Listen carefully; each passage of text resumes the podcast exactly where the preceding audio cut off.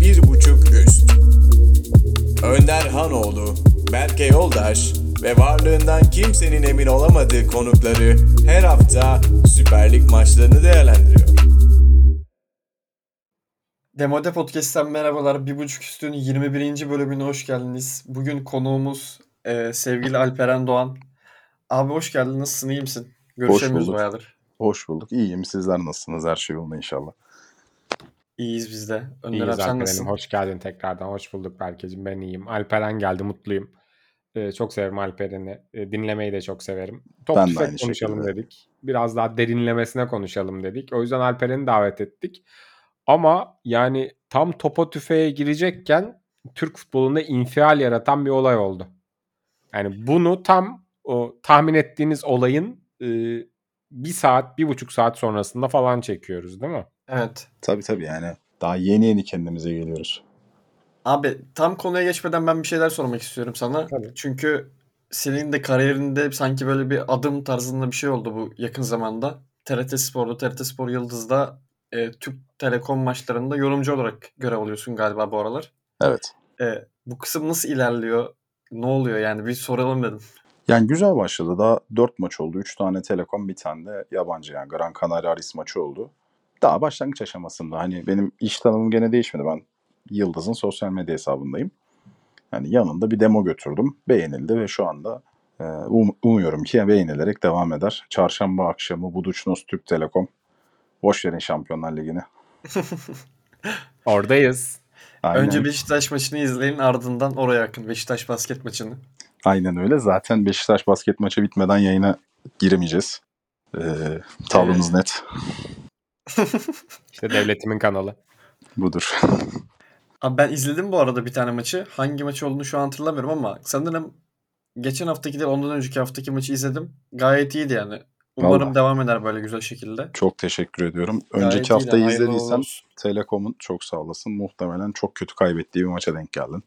Ya biz direkt yayına giriyorduk da ben yayın öncesi bakıyordum. 8'deydi galiba maç. Biz 9'da yayına giriyorduk. Ya tam hatırlamıyorum maçı. Açık konuşmak gerekirse ama iyiydi yani gayet güzeldi. Çok teşekkür ediyorum. Zaten daha Telekom bir tane galibiyetini görebildim. Ee, toplamda da iki tane yani 10 maçta iki galibiyetleri var zaten. O yüzden muhtemelen hani biraz daha böyle düşük frekanslı giden bir şeye denk gelmişsindir ama çok teşekkür ediyorum. Sağ ol. Ee, Alperen'in bir de futbol kısmının demosunu yolla diyorum ilgili ekibe. Ha, Feci dikkatlerini çekersin. aynen öyle. Şu anda gerekli çalışmaları yürütüyorum. Hadi inşallah. İlk iş Ankara Gücü Rize Spor maç sonu analizi. Olaylar nasıl Peki başladı? Önder abi. Evet. Ee, konuyu sen anlat istiyorsan üstüne biraz konuşalım. Çünkü yani yani sarsıcı bir gündem var. Konuşmadan Ee, olmaz. Yani hatta daha çok buraya bile süre verebiliriz öyle söyleyeyim. Ya böyle olaylar gerçekten 3-4 yılda bir falan Türk futbolunda yaşanır. Ee, işte Trabzonspor maçındaki e, hakemin taraftar tarafından darp edilme olayı aklıma geliyor. İşte Pierre Webo'nun e, yan hakem, dördüncü hakem tarafından bir ırkçılığa uğradığı iddiası aklıma geliyor. E, Fenerbahçe'nin otobüs kurşunlanması olayı aklıma geliyor. Böyle Türk futbolunda herkesin tek yürek olduğu, birlik olduğu, e, tek yumruk hareket ettiği günlerden birini daha yaşıyoruz. Gerçekten acayip bir olay. E, bir hakem e, bir futbol kulübünün başkanı tarafından e, yumrukla yere devrildi ve e, yanındaki adamları artık onlar yönetici mi bilmiyorum yoksa e, mafya gibi yanında dolandırdığı adamlar mı bilmiyorum. Yere düşen hakemi tekmelemeye devam ediyorlar. E, biz göremedik o sırada yayındaydık. Hani olayın vehametinin de çok farkına varamadık. Sonradan görüntüleri izleyince şok oldum ben. Ama e, böyle bir olay yaşadık. Hala da sıcağındayız yani. Hala da şokun içindeyiz. Ee, bu arada Önder abi tam sen söylerken önüme iki tane tweet düştü arka arkaya. Ee, Ankara gücü bir özür tweet'i atmış. Türk Spor kamuoyundan özür diliyoruz yaşananlardan dolayı diye. Onun dışında bir de A Spor'dan son dakika Halil Utmeler hakemliği bırakma kararı aldı şeklinde bir son dakika düştü. Ben çok kısa söyleyeyim sonra Alper'e vereyim. Çok üzüldüm hakemliği bırakma kararına. Yani Türk futbolunda en azından Avrupa'da görev alanlar arasında bir numara gibi duruyordu şu anda Ali Umutmeler. Ee, yani kendisinin suçu olmayan bir olayda e, olayın en azından cezasının ona kesiliyor olması tabii kendi kararıdır ama bence üzücü. belki olayın şoku atlattıktan sonra yeniden oturup değerlendirir. Ya kolayca atlatabileceği bir şey de değil muhtemelen çünkü öngörülebilir, tahmin edilebilir bir şey değil. Mesela bir sahaya bir taraftar girer. Taraftardan şiddet görürsün. Korkunç bir şeydir. Fakat hani şöyle dersin bir güvenlik zaafı oldu ve şuursuz biri geldi. Okey. Bir kulübün başkanı ve belki yöneticileri bilmiyorum şimdi onların günahını almayayım. Yanındaki insanlar kimdi bilmiyorum. Bizzat sana sahanın ortasında herkesin içerisinde saldırma cesaretini gösteriyor ve saldırıyor. Bir hakeme bundan daha fazla ne korkutabilir? Bu arada maalesef ki hani iyi kötü takip etme şansım olduğu için de söylüyorum. Mesela alt ligler tamamen böyle. Bölgesel amatörler, üçüncü ligler tamamen böyle. Yani bunun belki 10 mislisi var. Ee, Burada şunu söyleyeyim Cihat- o zaman. Cihat Akbel tweet atmış. Onlar da sürekli ayı gibi maç içeriği yaparken çok alt liglerden hatta bölgesel amatörden maçlara gidiyorlar. O da senin söylediğinin aynısını söylüyordu. Mesela Ankara'daki şeyi bilirler. 19 Mayıs'ın bir nolu sağ, iki nolu sağ falan onları bilirler. Orada zaten hakemler çok yani düşük maliyete çalışmak durumundalar. Bir geliyorlar bir günde 4-5 tane maç yönetiyorlar. 4-5 tane maç içerisinde belki 20-30 kere tehdit yiyorlardır. İki taraftan da. Farklı kişilerden. Kimi başkan, kimi teknik direktör, kimi oyuncu. Ya oyuncu mesela hakemin üstüne geliyor. Kim koruyacak? Ya bu korkunç bir meslek. Bir de hani hakemlerin malum söz hakkı da yok. Yani çıkıp mesela basında kendini ifade etme şansı yok. Neyi ne şekilde düşündüğünü anlatma şey yok. Ben de beğenmiyorum hakemlerin performansını. Ben de rahatsızım. Ben de işini iyi yapan bir meslek grubu olduğunu düşünmüyorum. Ama ya bu çok başka bir şey. Canına kast yani. Abi hakemlerin söz hakkı yok dedin. İyi bir noktaya değindin. Önder abi de girişte şey söylemişti. Ee, işte bu olaylar sıkça Türkiye'de oluyor. İşte hakemler dövülüyor, rehin alınıyor. İşte e, dışarıda gö- başkanlar tarafından veya yöneticiler tarafından sürekli hedef gösteriliyor. Ee, hakemler hiçbir zaman konuşmuyor, tepki vermiyorlar. Şimdi bu hafta öyle bir durum söz konusu. Yani maçların ertelenmesi hatta başka şeyler de olabilir tabii ki de. Şu anda konuşulanlar üzerinden söylüyorum. Yani hakemlerin bu zamana kadar hiçbir tepki vermemesi, işte başkanların hedef göstermesi, e, TFF başkanların hiçbir önlem almaması vesaire bir sürü sebep var. Yani sebepleri üstünden de biraz konuşalım bu işin. Çünkü konuşması da aslında bir yandan zor bir konu. Yani net bir doğrusu, tek bir tarafı olduğu için konunun konuşması zor bir konu. Sebeplerine hafif değinelim. Ondan sonra da kendi konuşmamız, yani konuşacağımız şeylere geçelim diyorum. Ya ben şunu söyleyeceğim. Hani bu olayda Ali Koç'unki çok öne çıkan bir şey olduğu için aklıma o geliyor ama hani Ali Koç özelinde değildir. Eminim diğer takım başkanları, diğer takım yöneticileri de yapıyordur. Ben kendimi Halil Umut Meler'in yerine koyuyorum. Bir kulüp başkanından yumruk yemek mi daha kötü yoksa e, her an bir terör örgütü üyesi olarak yaftalanma ihtimalim. E, kendisinin ağzının içine bakan 25-30 milyon insana bu hakemlerin peşini bırakmayın. İşte gittiği yerde fotoğrafını çekin şeklinde talimatlar vererek özgürlüğünün kısıtlanması mı daha zor, daha yorucu bir durum? Ya bence ikincisi çok daha zor, çok daha yorucu. Sadece yumruk olayı çok daha e, işin içinde aktif bir olay olduğu için bugün tepkiler ona oluyor. E, o gün diğerine sadece karşı mahalle tepki gösteriyordu. Kendi mahallesinden destek görüyordu. Bugün bütün mahalleler birlik oldu olay aktif bir olay olduğu için. Dolayısıyla ben çok da bir fark görmüyorum yani o yapılanla bu yapılan arasında. Ya ben şöyle bakıyorum olaya. İşte Ali Koç dersin, Erden Timur dersin, ne bileyim Ahmet Nur Çebi dersin. Hı hı. Eski yönetici Aziz Yıldırım dersin. Efendim Fikret Orman, Yıldırım yani bir sürü insanı sayabilirsin. Farklı farklı yöneticilerin zamanında derecesi, seviyesi değişerek böyle şeyler hep oldu.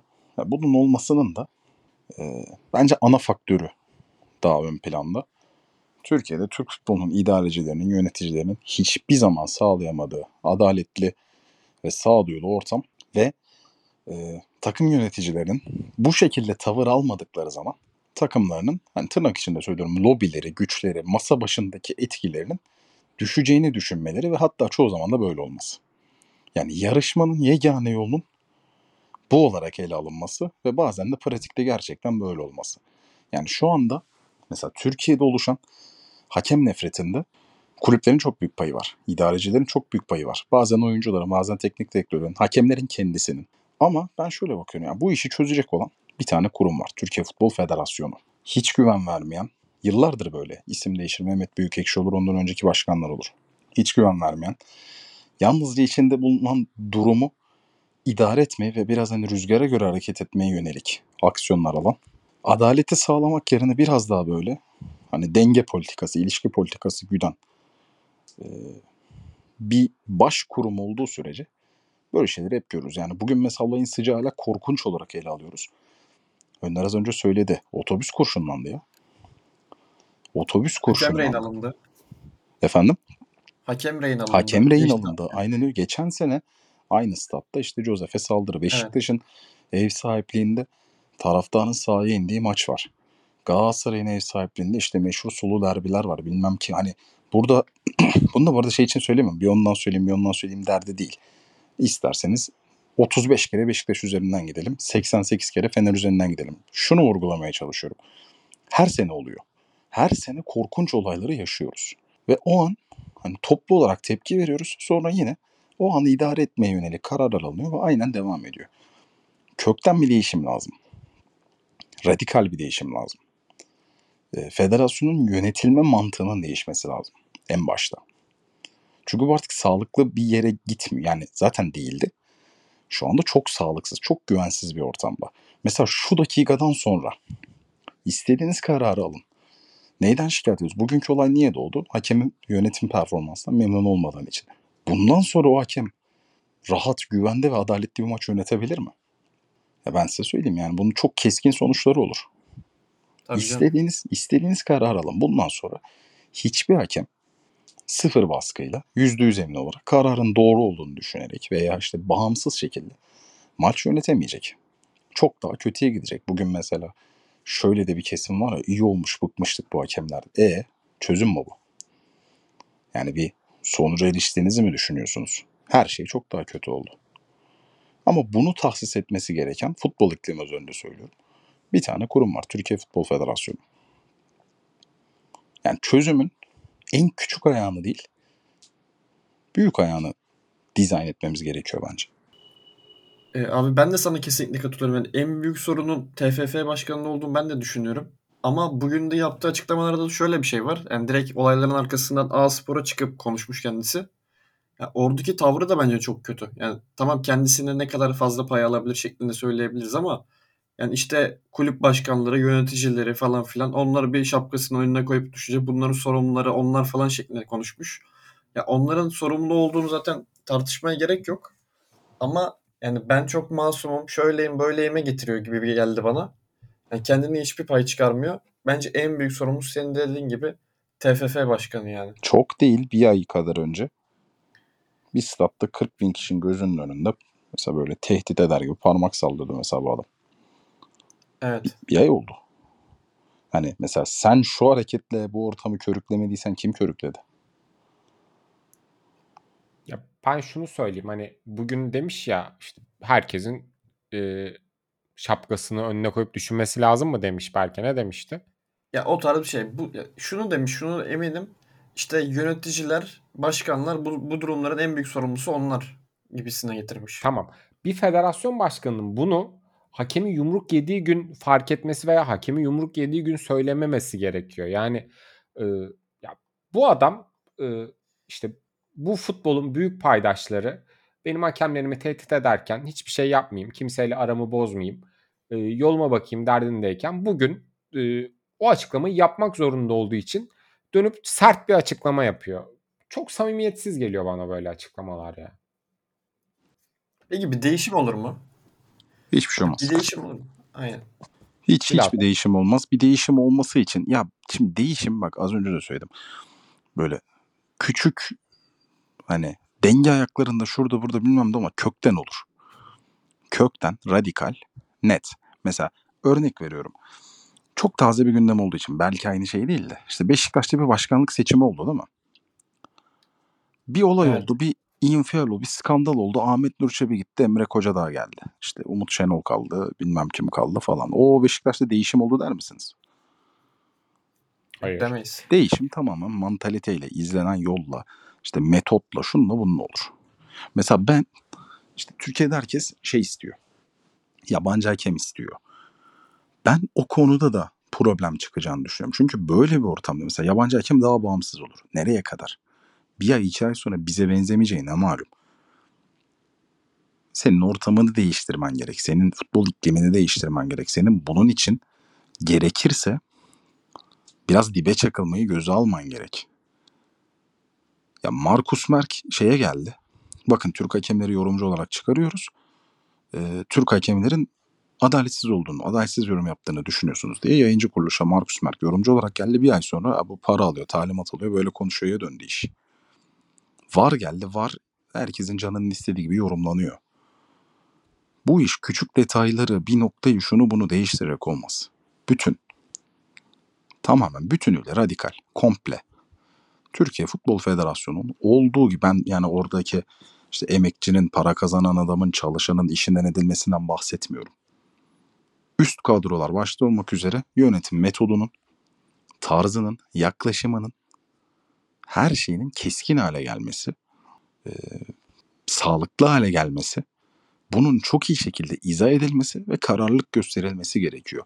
Ya bunun nasıl yapılabileceğini dair 3,5 saat konuşuruz. O çok başka yani tek başına program olur. O yüzden burada çok fazla kafa ağrıtmayayım ama ben bu olayda hiçbir şey değişeceğini düşünmüyorum. Faruk Koca ceza alır. Oradaki insanlar ceza alır. İşte hak mahrumiyeti şu bu alır. Olay zaten yargıya taşınıyor. Hakemlerden Evet. bir tepki gelir. Bu kadar. Devam eder. Haftaya maç oynanır gene. Haftaya oynanmazsa öbür hafta gene oynanır. Aynı şekilde Evet. de devam eder. Seneye gene böyle bir olay tartış. Gene böyle podcast yaparız. Şunu Hiçbir şey diyecektim. Alperen. Ee, hani bir mantalite değişiminden bahsettin ya sen konuşurken. Ben şundan bahsetmek istiyorum. Diyelim ki bir tane kulüp başkanı Ali Koç olsun. Ali Koç hakemlerle ilgili bir açıklama yapıyor. Sert bir açıklama yapıyor. Hı hı. Bu açıklamayı Twitter'da görüyoruz. Ee, Ali Koç kısmını çıkartalım. Yerine Erden Timur koyalım. Çıkartalım. Yerine Ahmet Nur Çebi koyalım. Ah Hiç be kimse hep fark oralarda eder mi? Ha, bu da- Sededet gelmez mi buraya? Ah hep oralarda olurdu. Yani onda en son ondan açıklama var diye onun adı geldi aklıma. Hiç der misin ya bu da Erden Timur'un da diyeceği bir şey değil ya. Ahmet Nur Çebi de böyle bir şey demez der misin? Yani Asla Hepsi demem. Asla aynı demem. kelimeleri görevleri olduğu için tekrarlıyorlar. Evet Şimdi ve bugün de ha, Heh, buyur özür dilerim. Bitti sanırım. Çok pardon. tamam bitireyim. E, Bugün de e, mesela Faruk Koca bu olayın artık kellesi alınan kişisi olacak tamam mı? Yani Faruk Koca böyle büyük bir infial olduğu için Türkiye'de olaylar ne kadar infial yarattığına göre değerlendirilir zaten. İnfial olduğu için Faruk Koca'nın kellesi alınacak. Ama yani bu olay unutulacak 6 ay sonra. Faruk Koca gidecek. işte Ahmet Koca gelecek. Ahmet Koca da aynısını yapacak. Yani bu Aynısını kadar yapacak. büyüğünü yapacak mı? Belki yumruk atmayacak. Başka türlüsünü yapacak. Da yani fikir aynı, zihniyet, zihniyet aynı. Gelen başkanlar aynı başkanlık modelini devam ettirecekler. Görevleri o çünkü. Bu arada bugün tepki gösteren bütün takım taraftarları da başkanlarından bunu bekliyor zaten.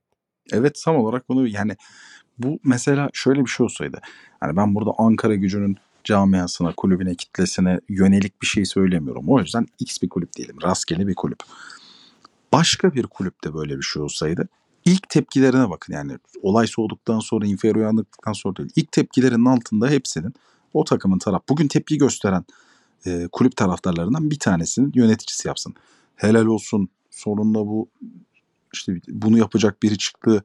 Bundan sonra sana destek olmamız ge- bunlar dönecekti. Evet. Bunlar dönecekti. E, demin konuşurken şey dedim ya. Kulüp başkanları içinde bulunduğumuz futbol ikliminden dolayı bu şekilde konuşmamayı e, taraftarlar da böyle hissediyor. Bu şekilde konuşmamayı kendilerini yarışta geri iten, güçsüzleştiren bir faktör olarak görüyor. Ve ne yazık ki gerçekten de bazen böyle oluyor. ben de öyle düşünüyorum orada evet.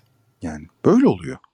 İşte o yüzden diyorum komple kökten. Yani Türkiye'de abi futbolun içerisinde futbol hariç her şey gündem. Her şey Ben de gündem. geri ettiğini düşünüyorum abi bu arada. Evet, evet, ben- ben de öyle düşünüyorum. Çok ciddi. Ben ben de öyle düşünüyorum. Ya bak şöyle söyleyeyim ben sana.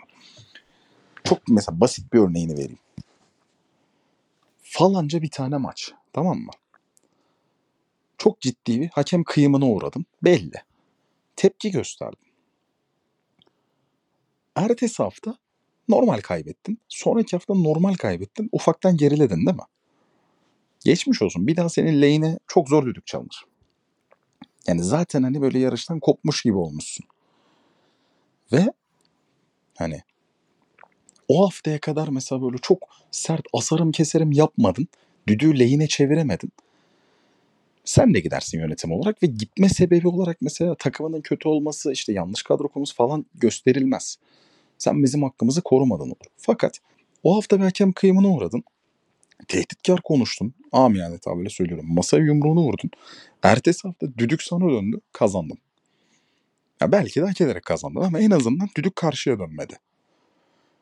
Kazanmak isteyen her takım bunu dök- yapar. dönmesi de dü- düdüğün sana dönmesi de normal oluyor. Çünkü hakemler Evet. bugün olduğu gibi dayak yiyeceğim diyor yoksa yani. E, Aynen öyle yani. yiyeceğim yoksa FETÖ'cü olacağım diyor. İşte kay- kayıtlarım açıklanacak diyor falan o şekilde düşünüyor. Ben Tabii ki. yani bu yüzden çok etki ettiğini düşünüyorum bu işin. İşte Abi yüzde yüz etki ediyor. Etmez olur mu? Yüzde yüz etki ediyor. Yani insan psikolojisi düşünün ya. Hadi geçen haftayı falan boş ver. Ya çıktın da 40 bin kişi sülalene küfür ediyor. Abi bir yerden sonra mesela insanlar şaşırıyor ya işte sana küfür edenlerin lehine düdük çalıyorsun. E koyun kendiniz yerine. Yani de- devamını mı duymak istersin? Yoksa ulan şunları bir susturayım psikolojisinde mi olsun? Korkar mısın daha fazlası da olur diye. Tekrar altını çiziyorum. Şey düşünmüyorum kesinlikle. Ya hakemler aslında işini iyi yapıyor da biz hayır. Hakemleri de beğenmiyorum. Orada da köklü bir değişim olması lazım. Orada da şundan rahatsızım. Her sene birine düdük astırılıyor. E bir atama geliyor. Abdülkadir Bitigen nasıl gelir? Hocam Alper Ulusoy gelince de aynısını diyeceksin. Serkan Çınar gelince de aynısını. Halil Umut Meler gelince de aynısını. Zamanında Cüneyt Çakır gelirken de aynısıydı. Fırat Aydınus gelirken de aynısıydı. Çok gerçek bir örnek var. Cüneyt Çakır Türkiye'de yönettiği her maçta kimseyi memnun edemeyen bir adam. Uluslararası yönettiği neredeyse yani %90'ında da inanılmaz iyi yöneten bir adam. Yani bu bir ipucu vermiyor mu? Yani bu dengeci, eyyamcı, işte sesi çıkanın çok üstüne gitmeyelimci.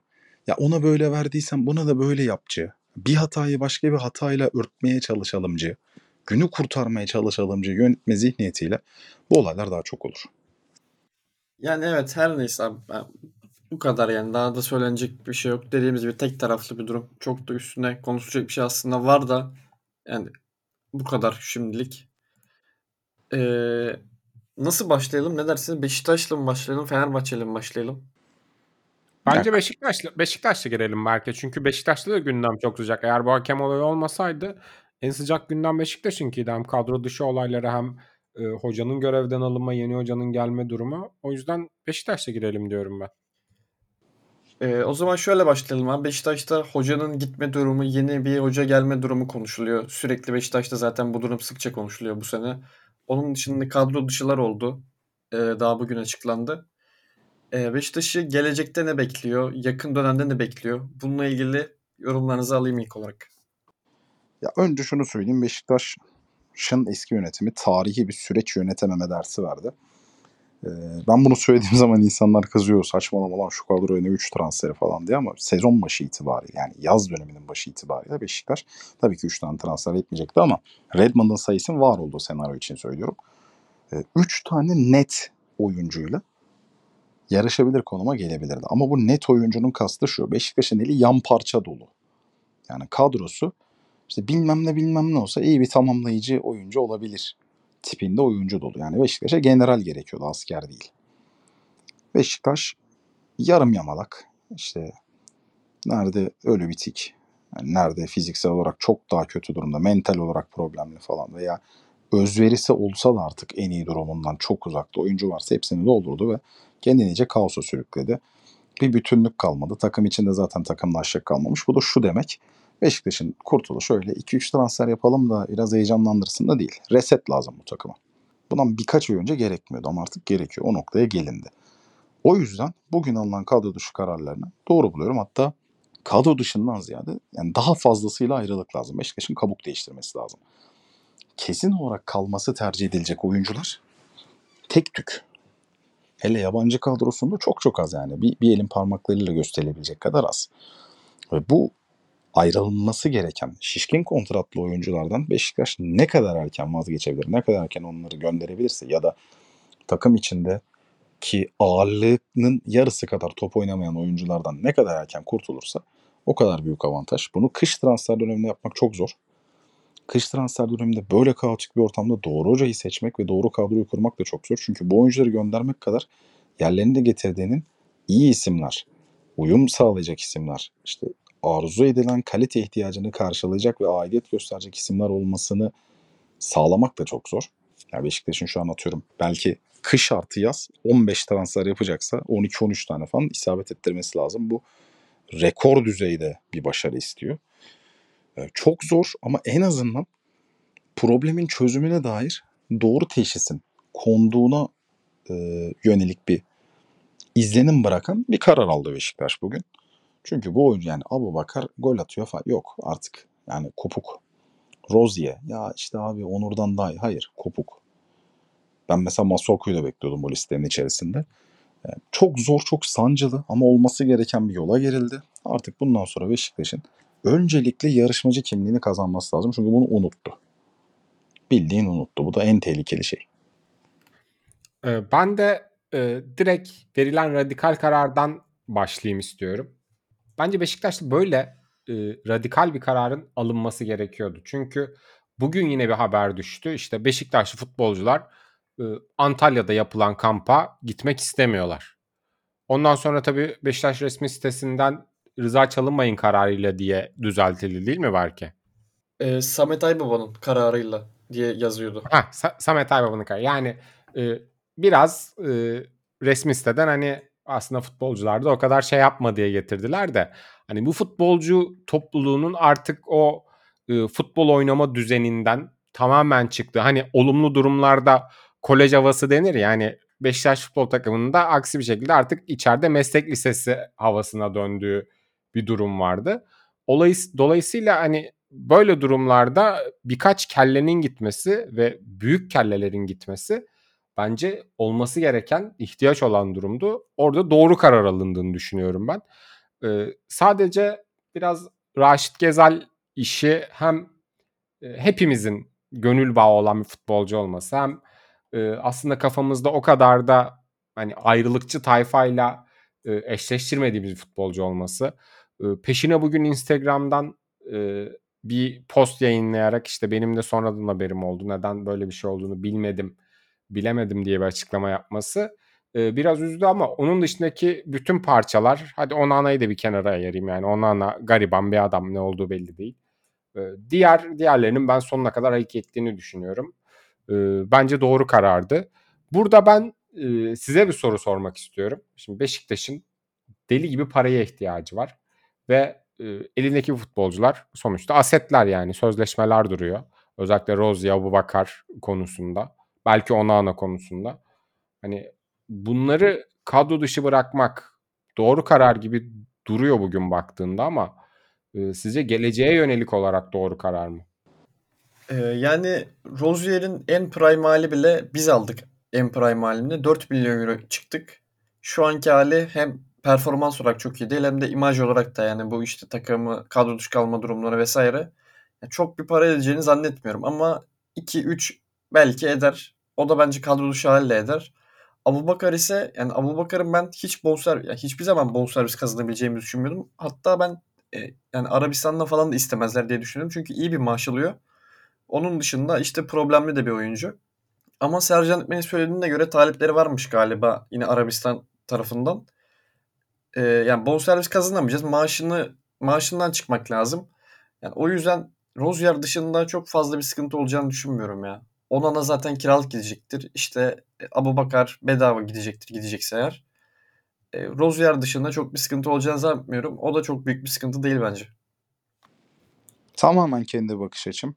Ben mesela Beşiktaş bu 5 oyuncudan 5 euro bonservis kazansa 5 euro karda gözüyle bakıyorum uzun zamandır.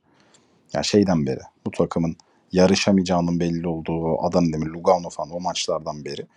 Çünkü e, yani Beşiktaş'ın şu an satması gereken bir oyuncu grubu yok. Kurtulması gereken bir oyuncu grubu var. Beşiktaş'ın bu oyunculardan tamamen kurtulması gerektiğini düşünüyorum. Yani Beşiktaş'ın göndermesi değil, kurtulması gereken bir oyuncu grubu var. O yüzden ne kadar az zararla, ben artık karında da değilim, para kazanılmasında da değilim. Ne kadar az zararla ve ne kadar erken elinden çıkarırsa o kadar iyi.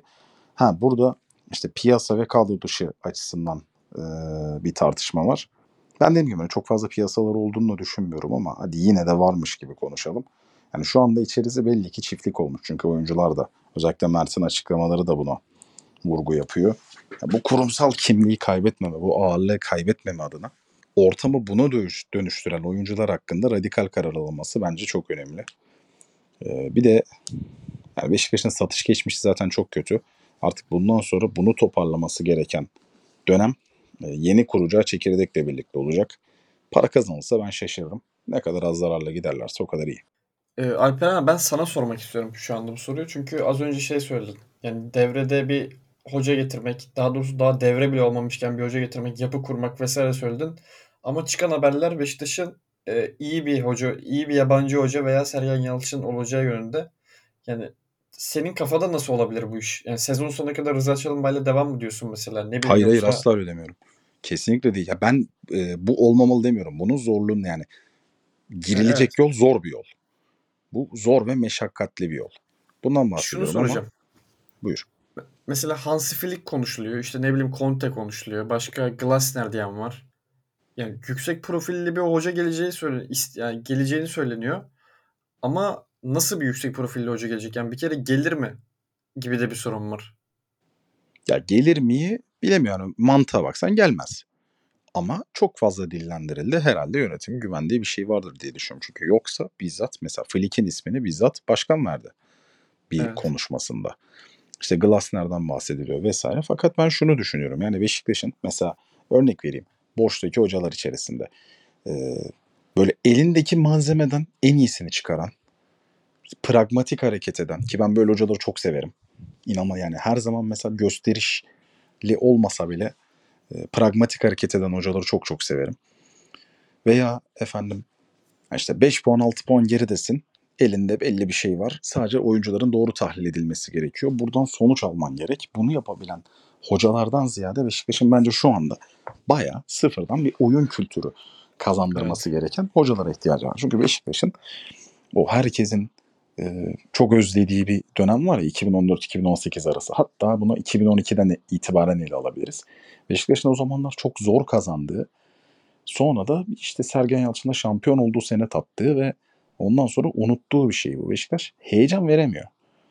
Yani taraftarı stada çekmek için, küçük çocukları Beşiktaşlı yapmak için insanları mesela Perşembe günü Lugano maçı var. Hanginiz izleyeceksiniz ya da izleyen ne kadar keyif alacak? Bir nedeni yok. Beşiktaş'ın şu anda sıfırdan bir şey kurmak için hani biraz daha böyle e, yapı ve oyun kültürü oluşturucu bir hocaya gitmesi gerektiğini düşünüyorum. E, bunu Hiç da adı geçen biri var mı? Sen de öyle peki? Mesela Genesio diyen var, Glasner var. Ben hiç bunları bilmediğim için soruyorum. Bilgin Abi var mı hocalar hakkında? benim bildiğim yani benim görüşüldüğünü duyduğum ve bir yandan da bu konuşma içerisinde bahsi geçen sadece iki tane adam var. Biri Flick, biri Glasner. Toplam beş tane hocayla görüşülüyor gibi bir şey duydum. Diğer üçünün ismini bilmiyorum. Flick ne Nasıl kadar bir hoca bu? Glasner? Ya Glasner ikili eşleşmelerin hedef maçlarının, hedef maçtan kastım işte ligdeki bayan maçı falan gibi değil. Yani tur maçlarının çok büyük ustası. Oynattığı oyunda hani özellikle sağ yerleşimi olarak oldukça keyiflidir ama biraz şey yani kendi sistemine özgün parçalar ister ve işte hani değişimler, geçişler falan keskin olur fakat hani kolay kolay Frankfurt'taki iki sezonunda da hiçbir dönemde takımını hedefsiz bırakmadı. Mesela herkes UEFA kupasını alması üzerinden yola çıkıyor. Son sezonu biraz da ayrılmasına neden olan şey sezonun ortasına kadar çok çok iyi gelmişken sonra bir 13-14 hafta içerisinde sadece bir galibiyet falan aldı Frankfurt. Yani o dönem biraz çalkantılı bir dönemdi. Öyle bir dönemde bile Şampiyonlar Ligi'nde son 16 oynadılar. Almanya Kupası'nda finale çıktılar. Ama dediğim gibi yani oyununun içerisindeki boşlukları kaldırmak için çünkü Beşiktaş'ta yapması gereken işte Frankfurt'u mesela 8. 9. sırada e, ligin sonunu getirsen çok fazla bir problem olmaz ama Beşiktaş'ta 3. olduğun zaman çok fazla problem olur. Yani oyununun ve sisteminin boşluklarını doldurabilecek çok uygun parçalar seçilmesi lazım. Eğer Glasner'e gidilecekse bu kesinlikle devre arası olmalı ve transfer planlaması da buna göre yapılmalı. Hocadan farklı olarak sadece şöyle bir şey olması gerektiğini düşünüyorum. Glasner son Frankfurt senesinde de bunu yaptığı için kendi sistemi işlemediği zaman ki kolay kolay vazgeçmez. E, kolay kolay da çok fazla taca da çıkmıyor oyun sisteminde. Yani o zaman B planı aradığında işte formasyonu değiştirdiğinde falan elindeki oyuncuları buna uydurmakta biraz zorlanmıştı. O yüzden alınacak oyuncuların birden fazla yani şu düzenin oyuncusu değil de birden fazla şeye uyabilecek oyuncular olması lazım. Burada da bir yönetim aklının devreye girmesi gerekiyor. Biraz uzattım kusura bakmayın. Ee, o zaman Beşiktaş kısmını da bu şekilde kapayalım. Fenerbahçe için Eee, muazzam bir derbi galibiyeti. Eee, skor 3-1 ama çok daha farklı bir skor da olabilirdi. İyi bir Fenerbahçe galibiyeti oldu. Eee, zaman zaman düşüşler yaşadılar bizim bu bölüm kaydı kaydedemediğimiz kısımda. Ama sanki yeniden toparlandılar gibi hala lider Fenerbahçe. Eee, ilk olarak derbiyle başlayalım. Ne diyorsunuz Fenerbahçe'nin derbi galibiyetine? Yani ben bir Kadıköy'de 3-0'lık bir maç hatırlıyorum. Ee, Beşiktaş'ın kırmızı Toyota amblemli çubuklu formalı hatırlar mısınız o maçı? Evet ve Üç- şeydi evet. yani o maçın bir lafı var. Çünkü UEFA'da yarı final oynayan Fener feda sezonu Beşiktaş. Evet yani e, sanırım o maçla birlikte Beşiktaş'ın bir derbi maçta özellikle Fenerbahçe maçında en ezildiği maçtı. E, penal, bir penaltı attı bir penaltı dışında kaleye isabetli şut atamadı ve bu bir iç saha maçıydı. E, ben Beşiktaş'ın bu kadar ezildiğini hiç hatırlamıyordum ama Beşiktaş penceresinden daha fazla konuşmaya gerek yok. Biraz Fenerbahçe penceresinden konuşmak lazım. E, İsmail Kartal kendisi için çok zor bir maça çıktı bence. Çünkü İsmail Kartal sezona çok iyi başladı. E, 20 maç kayıpsız gitti. Sonrasında üst üste gelen 3 kayıpla birlikte İsmail Kartal e, sıfır krediyle gelmişti. O 20 maçla birlikte cebine biraz kredi koydu ve o 3 maçla bütün kredisini tekrardan kaybetti ve sezon başındaki gariban İsmail Kartal'a döndü. Diğer taraftan da ya bu İsmail Kartal da acaba hedef maçlarda gümlüyor mu işte Trabzon'da patladı işte grupta Nordsjælland iyi takımdı ona maç verdi. Lu- şey e, Ludogorets iyi takımdı onları yenemedi. Ya bu İsmail Kartal'a da büyük maç gitmiyor herhalde demişken e, deplasmanda bir Beşiktaş galibiyeti işte Tüpraş Stadyumu yapıldığından beri ilk e, derbi mağlubiyetinin İsmail Kartal'ın elinden gelmesi İsmail Kartal için çok kritikti bence. E, bunu Berke daha çok söylüyor. İsmail Kartal bu sebepten ötürü bence biraz çekinerek çıkmıştı maça. Onun korkusu da vardı. Belki biraz daha cesur olsa bu maç çok daha kötü yerlere gidebilirdi. Tabii şanssızlık da var biraz. Fenerbahçe biraz şanslı olsa, biraz Mert kötü gününde olsa ki bu sezon Mert her zaman iyi gününde değildi. İyi günlerinden birine denk geldi. Çok daha feci bir skorla karşılaşabilirdi Beşiktaş. Ee, aynı şekilde Fenerbahçe çok efsanevi bir galibiyetle e, buluşabilirdi. Ama olmadı. 3-1 e, Fenerbahçe 3 puan aldı. Lider olarak yoluna devam etti. Ve ezici bir derbi galibiyetiyle tarihe geçti bence. Ya burada katılınmayacak hiçbir şey yok. A'dan Z'ye katılıyorum. Şimdi önce şunu şey yapalım. Fenerbahçe'nin çok iyi bir ilk 11'i var. Yani Fenerbahçe'nin ideal 11'i özellikle bunu yapabilecek oyuncu grubu ve işte fizikalitesi olmayan takımlara karşı çok boğucu oluyor. Hatta yani sosyal medyada kullanıldığı için Fenerbahçe kaybettiğinde biraz e, makaraya dönen bir tabir oldu bu. Ama ideal 11'i ve karşısında buna karşı koyamayacak bir rakip bulduğu zaman Fenerbahçe gerçekten boğucu oluyor. Çünkü iki orta sahası Fred ve İsmail hatta Crespo'da işte ön alan presinde ve hani fiziksel olarak rakip orta sahaları yıpratmakta çok mahir oyuncular. Bekleri, dört bekinin dördü de birçok rakip kanat oyuncusuna göre yani ligde çok az kanat oyuncusu vardır buna karşı koyabilecek. İşte omuz omuza daha kuvvetli, ikili mücadelede daha iyi, açık alanda daha süratli. Vermiyorlar yani. Topla da çıkabiliyorlar.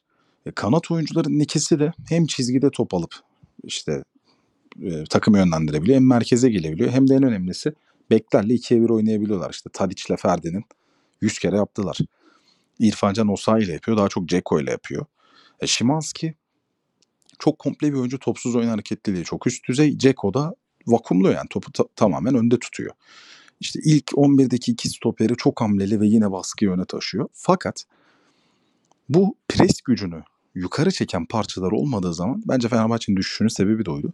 O parçalar yokken de onlar varmış gibi oynamaya çalıştı. Yani İsmail, Fred, Beka, Ciku bozulup işte İsmail yanına eldeki orta sahalardan herhangi biri.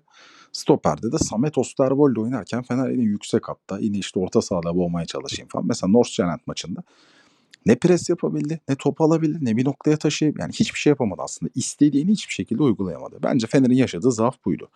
Ama Fred dönünce her ne kadar hata yapmış olmasına rağmen Ciku dönünce Fener yine o güce kavuşuyor. Çünkü ön dörtlüsünün yapamadığı şey çok az. Ve burada oturttuğu oyun da iyi. Fener iki tane kanadına veriyor. Onları beklerle işliyor. Ceko duvar oluyor. Şimanski tamamen boşluk kovalıyor ve tek vuruş. Ki e, son haftalarda mesela bunu bulamadığı zaman derine gelip daha fazla oyun katkısını falan da artırdı. Ya bu zaten Beşiktaş gibi kadro gücü kısıtlı ve bence maça da çok yanlış çıkmış bir takımın karşı koyabileceği bir şey değil. Benim de gördüğüm açık ara en ezici derbi galibiyetlerinden bir tanesi. Beşiktaş'ın iç sahada oynadığı en kötü derbi olabilir. Tarihinde demeyeceğim. Benim hatırladığım iç sahadaki açık ara en kötü derbisi. Bence de öyle. Bence de öyle. Peki ya ben bir şey daha sormak istiyorum. Bu Fred e, konusunu açmışken. Fenerbahçe'nin düşüşünün olduğu dönemlerde e, yani çoğu kişi futbol yorumcuları olsun, muhabirler olsun vesaire e, şey söylemişti. Fred bu takımın %60'ı, %70'iymiş demek ki falan. E, ilk sorum Fred bu takımın yüzde kaçı yani bunu gördük mü? Bir de ikinci sorum diyelim ki Fred bu takımın %60'ı, %70'i. Çok büyük bir problem mi teknik adam açı- açısından? Ben şahsen yani Fred'in mesela Fenerbahçe'nin diyelim ki %70'i olsun. Ee, çok ciddi bir problem olduğunu düşünmüyorum abi. Yani oyuncu çok büyük bir performans. Ligdeki şu anda belki de en iyi 2-3 performans. Bir diyene bile saygı duyuyorum. Ee, yani doğal geliyor yani. Bir oyuncu takımın açık ara en iyisi oluyor. Yani çok ciddi bir düşüş olmasını da ben anormal karşılamıyorum şahsen. Oyuncu sonra. Ben Ee, kısaca bir şey söyleyeyim ama tabii. takımın yüzde kaçı olduğu bence de hocanın problemi değil. Bence daha çok yönetimi ve transferleri yapanların problemi. Şimdi e, Edin e, e, Fred Fenerbahçe'nin en önemli parçası mı diye soruyoruz. Belki bu konuda rakibi Edin Dzeko olabilir. Edin Dzeko'nun ne kadar beğenilmezse beğenilmezsin e, Michy Batshuayi gibi bir alternatifi var. Ve yerine koyduğun zaman hadi Avrupa maçı olsun en azından oraya bir futbolcu koymuş oluyorsun. Ama Fred olmadığı zaman oraya herhangi bir parça koyamıyorsun. Buradan bir İsmail Kartal eleştirisi yapmak ve hani Fred'in yerine yerli de olsa veya 3 gömlek alt da olsa herhangi bir alternatif koyamamak bence İsmail Kartal'ın suçu değil. Ee, sezon başında çok övülen ve transferler transferler yapan yönetimin suçu diye düşünüyorum. Ya ben önce şunu söyleyeyim. Ben genel olarak işte bir oyuncu olmadığında bizim oyunumuz bozuluyor demek ki senin şeyin yokmuş. Yani o muhabbetlere çok katılmıyorum. Ee, tabii ki senin işte bir sistemi inşa etmen, oynattığın oyun, saha yerleşimin, tempon, işte kime ne rol ver bunların hepsi çok önemli. Fakat oyuncu etkiler, oyuncu kıyamet gibi etkiler. Ee, yani Manchester City iki tane çok önemli bir tane hani çizgide topu taşıyacak oyuncusunu, bir tane forvet destekçisini kaybetti. Üstüne Rodri sakatlandı. Manchester City'nin bir ayı korkunç geçti. Manchester City'den bahsediyoruz. Son şampiyon. Guardiola yani ne anlatıyorum? City işte. Dünyanın her takımını etkiler. Bu kadar kritik, bu kadar kilit parçaların olmayışı. Yani kendimize mesela şunu soralım. Beşiktaş'ın şampiyon olduğu senelerden herhangi birinde kadrodan Atiba'yı çıkarın. Ne kadar alternatif üretebileceksin? Kısa vadede olabilir en fazla. O yüzden hani böyle oyuncuların yokluğu tabii ki etkiler. Ha şöyle bir eleştiri yapılabilir. Az önce dediğim gibi ben mesela Fred yokken ve o stoperler yokken onlar varmış gibi aynı aynı şekilde devam edilmemesi gerektiğini düşünüyorum. Ama bunu da hoca bir deneme yanılma yaşamadan vazgeçemez. Çünkü 20 maç üst üste kazandı bu takım neredeyse. 20'yi gördüm bilmiyorum. 20'ye yakın kazandı. Ama mesela ne olabilirdi işte North Giant deplasmanında çıkan 11'in ben böyle hani orta sahadaki o pas trafiğini baskıyla kırmaya çalışmak yerine daha düşük tempoda, daha böyle oyun alanını daraltarak Trabzonspor'un şampiyon olduğu senedeki gibi oyunu uyutarak, rakibi topla sindirerek çok fazla hattı açmadan işte yetenekli hakkından bir tanesi bir şey yapsın. Twente deplasmanda olduğu gibi. Bu şekilde oynamasını beklerim. Buradan bir eleştiri çıkarsa ben buna katılırım. Ama ilk oyuncu yokken Fenerbahçe bitiyor. Ya bu her takımın başına gelebilir. Torreira'yı ne kadar ikame edebilirsin? Edebiliyorsan bu inanılmaz bir hoca başarısıdır. Ama Torreira'nın yokluğundan hiç etkilenmemek mümkün değil. Olmaz. Hiçbir takım için olmaz. Az önce söyledim yani Rodri ve Manchester City ve Guardiola ne kadar etkiliyor? Etkilenmemek mümkün değil. Ben sadece şunu söylüyorum. Yani senin oyun kimliğini oluşturan bir oyuncu grubu varsa ve oradan çok önemli parçalar yoksa ve onların yerine gelenler aynı şeyi devam ettiremeyecek oyuncularsa bir kere iki kere bunun cezası kesildikten sonra aynı şeye devam etmemelisin. Ama zaten North Giant maçı bence bunun farkındalığı için çok çok önemli bir tırnak içinde söyleyeyim tokat oldu zaten. Evet mesela arada da bir Adana Demirspor maçı vardı. Bence orada e, farklı bir oyun az çok denedi. Başarılı da sayabilir miyiz mesela? Ben başarılı sayıyorum şah- şahsen. Yani Adana Demirspor her ne kadar düşüşte olsa bile e, bayağı eksikle gidiyorsun. İşte stoperin yok, orta sahanda eksik var. Onun dışında bir mağlubiyetle geliyorsun vesaire. Yani orası bence başarılıydı. Yani şu Ben sıkıntı- Adana'da İsmail Kart- kötü, kötü oynamadığını düşünüyorum. Ben de öyle. Evet. Mesela şu İsmail Kartal'ın eee, düşüş eleştirildiği dönemde bir Trabzonspor maçı var. Adana Demirspor maçı var. Ludogorets deplasman. Eee, bir de Nordsjælland deplasman. Yani Ludogorets deplasman mağlubiyetine de çok bir sıkıntı yok. Yani burada eleştirilecek tek bir şey varsa eee Nordsjælland olabilir. Orada da yani skor çok absürt. Yenilmesi bence çok sıkı- sıkıntı değil. Skor sadece absürt. E, bir de Trabzonspor maçı var. Yani çok Ben, fazla a- yangın e, yapmak bir durum yok bence. Ya ben Trabzon'u burada biraz baskın sayabilirim belki senden farklı olarak. Çünkü e, ya o maçın devre arasına kadarki bölümünde bence de sıkıntı yok. Yani o maçın ilk yarısında çünkü o eksiklerle birlikte neyle karşılaşacağını ilk defa görüyorsun. Fakat ikinci yarıya çıkarken Fenerbahçe sahip olduğu kimliğe hiç uygun olmayan bir yapı içerisindeydi ve ne zaaflarla karşılaştığını ve bunu nasıl çözeceğini iyi kötü görüyordu. Yani mesela ben Abdülkadir Ömür'ün geçiş yaptığı bir maçta hocanın çözüm üretmesini beklerim. Çünkü sahanın en düşük fizikli oyuncularından bir tanesi. O maçı sayabilirim. Bir de Nordsjælland dediğin gibi. Fakat yani bunları biraz daha geniş pencerede bakarsak mesela 25-30 tane resmi maç oynamış. Arıza olarak sayabildiğimiz 2-3 tane maç varsa böyle bir derbi galibiyeti almışken artık bu adamın bence her maça bir final maçı hüviyetinde çıkmaması lazım. Ama mesela Galatasaray maçında gene öyle çıkacak. Galatasaray mesela kaybetse curcuna. Yani bunu da belli oranda anlayabiliyorum. Çünkü çok hedef bir maç. Geri döndürmesi çok zor bir maç. Ama yani kötü bir iş yapmıyor bu adam şu ana kadar. En azından bugün itibariyle. Ee, o zaman Fenerbahçe'yi tekrardan tebrik edelim ve Galatasaray'a geçiş yapalım. Galatasaray yani Galatasaray ligde gidiyor, iyi bir gidiyor. Bu hafta Adana Demirspor sahada yendi. İyi bir galibiyet aldı. Ama yani bence çok daha önemli bir maç var önlerinde. Tartışması da önemli. E, İlk olarak onunla başlayalım bence. Galatasaray Kopenhag maçıyla başlayalım. Mutlak galibiyet lazım.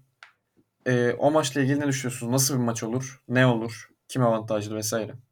Sezonun en zor maçı. Aynı zamanda en kritik maçı bence. Tabii. Yani en kritik olduğu zaten malum. Bence mesela Bayern Münih deplasmanından daha zor bir maç. Rakibin bilmem nesinden falan alakalı değil. Bayern Münih deplasmanında dakika 50 0-0 iken strese giren taraf sen olmazsın. İşler senin için iyi gidiyordur. Bayern Münih Kopenhag maçında Bayern öyle bir e, bomba bırakmış olmasaydı yani o maçı kazansaydı durum farklı olabilirdi. Şu an işi ciddi anlamda zorlaştırdı. Galatasaray çok büyük bir nasıl diyeyim hani bir güç testine girecek. Yani burada de, beraberliğin yeteceği bir ortamda çıksaydı bence Galatasaray alır kaçardı. Yani başarırdı bunu. Öyle düşünüyorum. Yani bana soracak olursan evet yani beraberliğin Kopenhag'a yetmesi e, sıkıntılı bir durum. Çünkü o durumları iyi oynayabildiklerini yani e, Manu maçında Bayern maçında da gösterdiler bence. E, çok zor bir yere gidiyor. Kötü bir ayda kötü bir deplasmana gidiyor Galatasaray. Ama Galatasaray'da bunları başarabilecek bir takım bence. Hani bunu şey için söylemiyorum. Galatasaray büyük takımdır. Gider 3 puan gerekirse 3 puan alır şeklinde söylemiyorum. Galatasaray'ın Kopenhag deplasmanından bence 3 puanı çıkarabilecek bir kadrosu var. Bence Ama hoca Ha. olarak yani hoca meziyeti olarak da Galatasaray'ın ilk Kopenhag maçında ben biraz ilk yarısını özellikle hatalı görüyorum hocanın. United deplasman. United iç sahada çıkardığı 11'i kenara koyarak söylüyorum maç içi hamleler. İki Bayern maçı bence Okan Buruk da burada müthiş sınavlar verdi. kesinlikle. Ve mesela Özellikle özellikle e, arenadaki Bayern maçının yani ilk ben Bayern'i City'ye karşı o kadar baskı yer herhalde yani. O kadar bir City'ye karşı topla çıkamaz o kadar herhalde. Ya da çok mu Bayern takip etmiyorum ben bilmiyorum ama Bayern'i gerçekten aciz durumda gördük özellikle o maçta.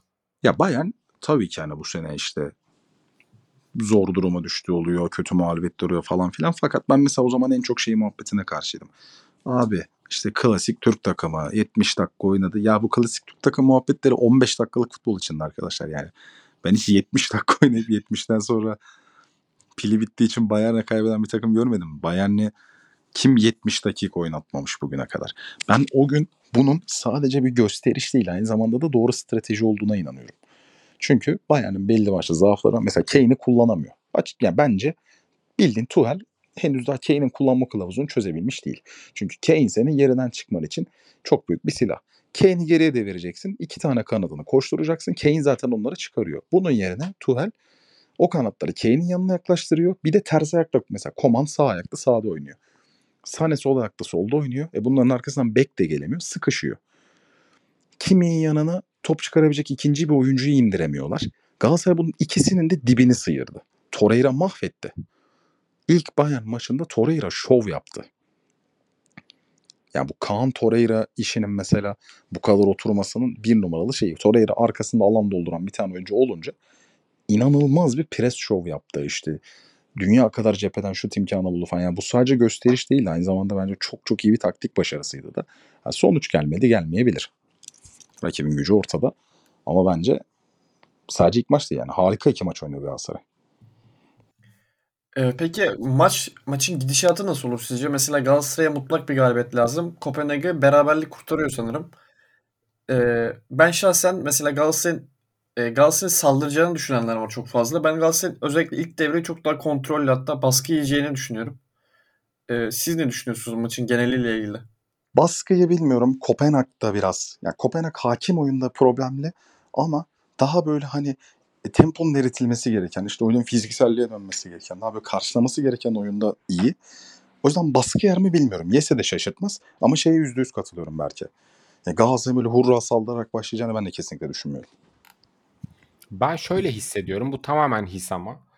Ee, çok gittili geldili bir maç bekliyorum ve gollü bir maç bekliyorum. Yani Hmm. E, şu anki skorlarla Galatasaray gruptan çıkıyor. Aa, şu anki skorlarla Galatasaray grubu maalesef sonuncu tamamlıyor. Yani Hı bu senaryoları maç içinde böyle 3 kere 4 kere falan duyacağız gibi hissediyorum öbür taraftan da gelecek haberlere göre.